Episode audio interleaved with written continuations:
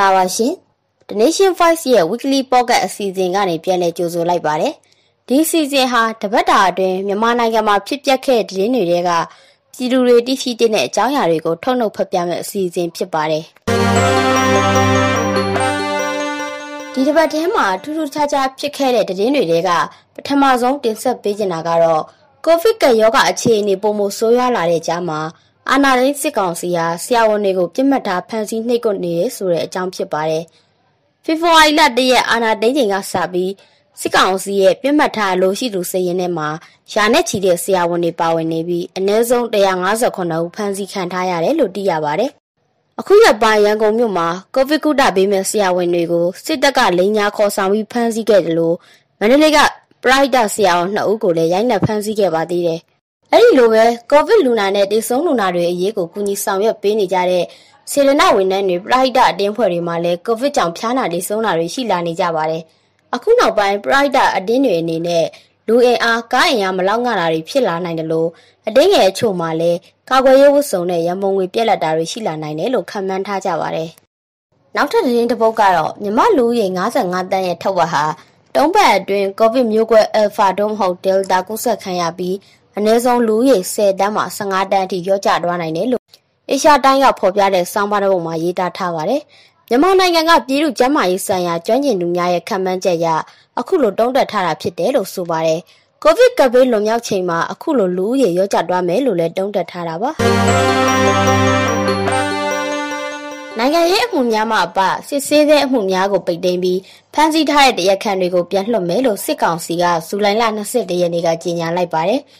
ဖေဖော်ဝါရီလတရက်ဆီယာနာမတိန်ခင်ကျူးလွန်ထားတဲ့ခိုးမှု၊လောင်းကစားမှု၊မူရစ်မှုအပါအဝင်အခြားမှုတွေအတွက်လွှတ်ပေးတာပါ။နိုင်ငံတော်ဝန်ကိုဗစ်ကူးစက်ခံရသူများနေပြီးအကျဉ်းထောင်တွေထဲမှာလည်းအချုပ်သားတွေကိုဗစ်ကူးစက်မှုမြင့်တက်နေချိန်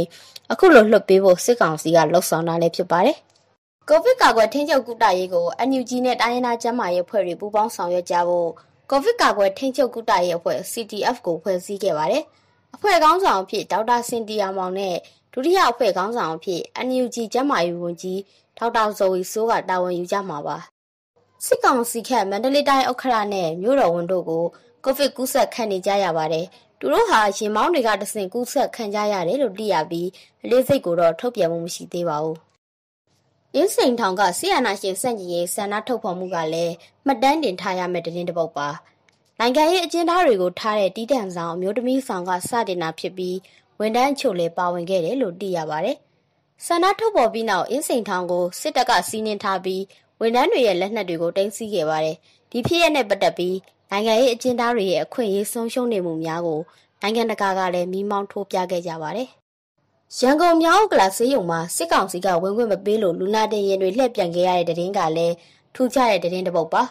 ဂိတ်ပေါင်မှာတနက်နဲ့ချိန်ပြီးချင်းချောက်မှုတွေကြောင့်အရေးပေါ်လူနာတင်ရင်အနည်းဆုံး10စီးကဟာ စေကူတောက်ခွင့်မရဘဲလှည့်ပြန်ခဲ့ရတာဖြစ်ပါတယ်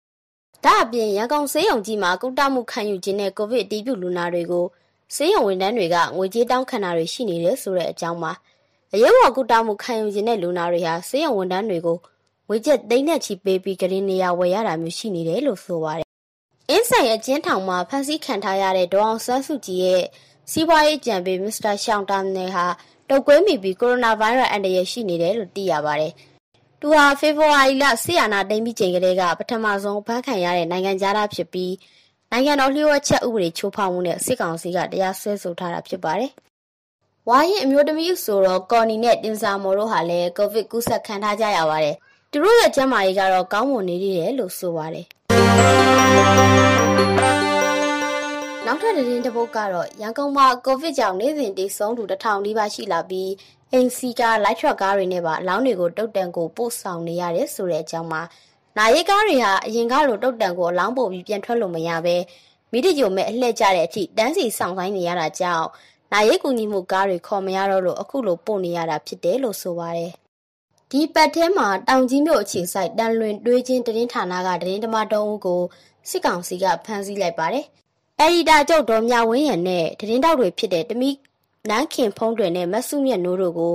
တောင်ကြီးမြို့နေအိမ်မှာဖမ်းဆီးလိုက်တာပါ။ဆီယာနာတိုင်းပြီးနောက်ပိုင်းရှမ်းပြည်နယ်အတွင်းမှာဖမ်းဆီးခံထားရတဲ့တင်းဓမ္မရှိဦးထိရှိလာပြီလို့သိရပါတယ်ရှင်။ဒီတစ်ပတ်ထဲမှာကိုရိုနာဗိုင်းရပ်ကြောင့်ဒေဆုံးသူတွေထဲမှာအမျိုးသားဒီမိုကရေစီအဖွဲ့ချုပ်ဗဟိုအလုံးမှုဆောင်အဖွဲ့အတွင်းရေးမှုအဖွဲ့ဝင်တရားလွှတ်တော်ရှေ့နေဦးညံဝင်းနဲ့ဒီမိုကရေစီအကျိုးပြုကရင်တပ်မတော် DKBA စစ်ဦးစီးချုပ်ဗိုလ်ချုပ်ကြီးစောမိုရှိတို့လည်းပါဝင်ပါတယ်။အင်းစိန်ထောင်မှာဖမ်းဆီးခံထားရတဲ့ဦးညံဝင်းဟာကိုဗစ်ကူးစက်ခံရလို့ရန်ကုန်ပြည်သူ့ဆေးရုံကြီးမှာကုသမှုခံယူနေစဉ်ကွယ်လွန်ခဲ့တာဖြစ်ပြီး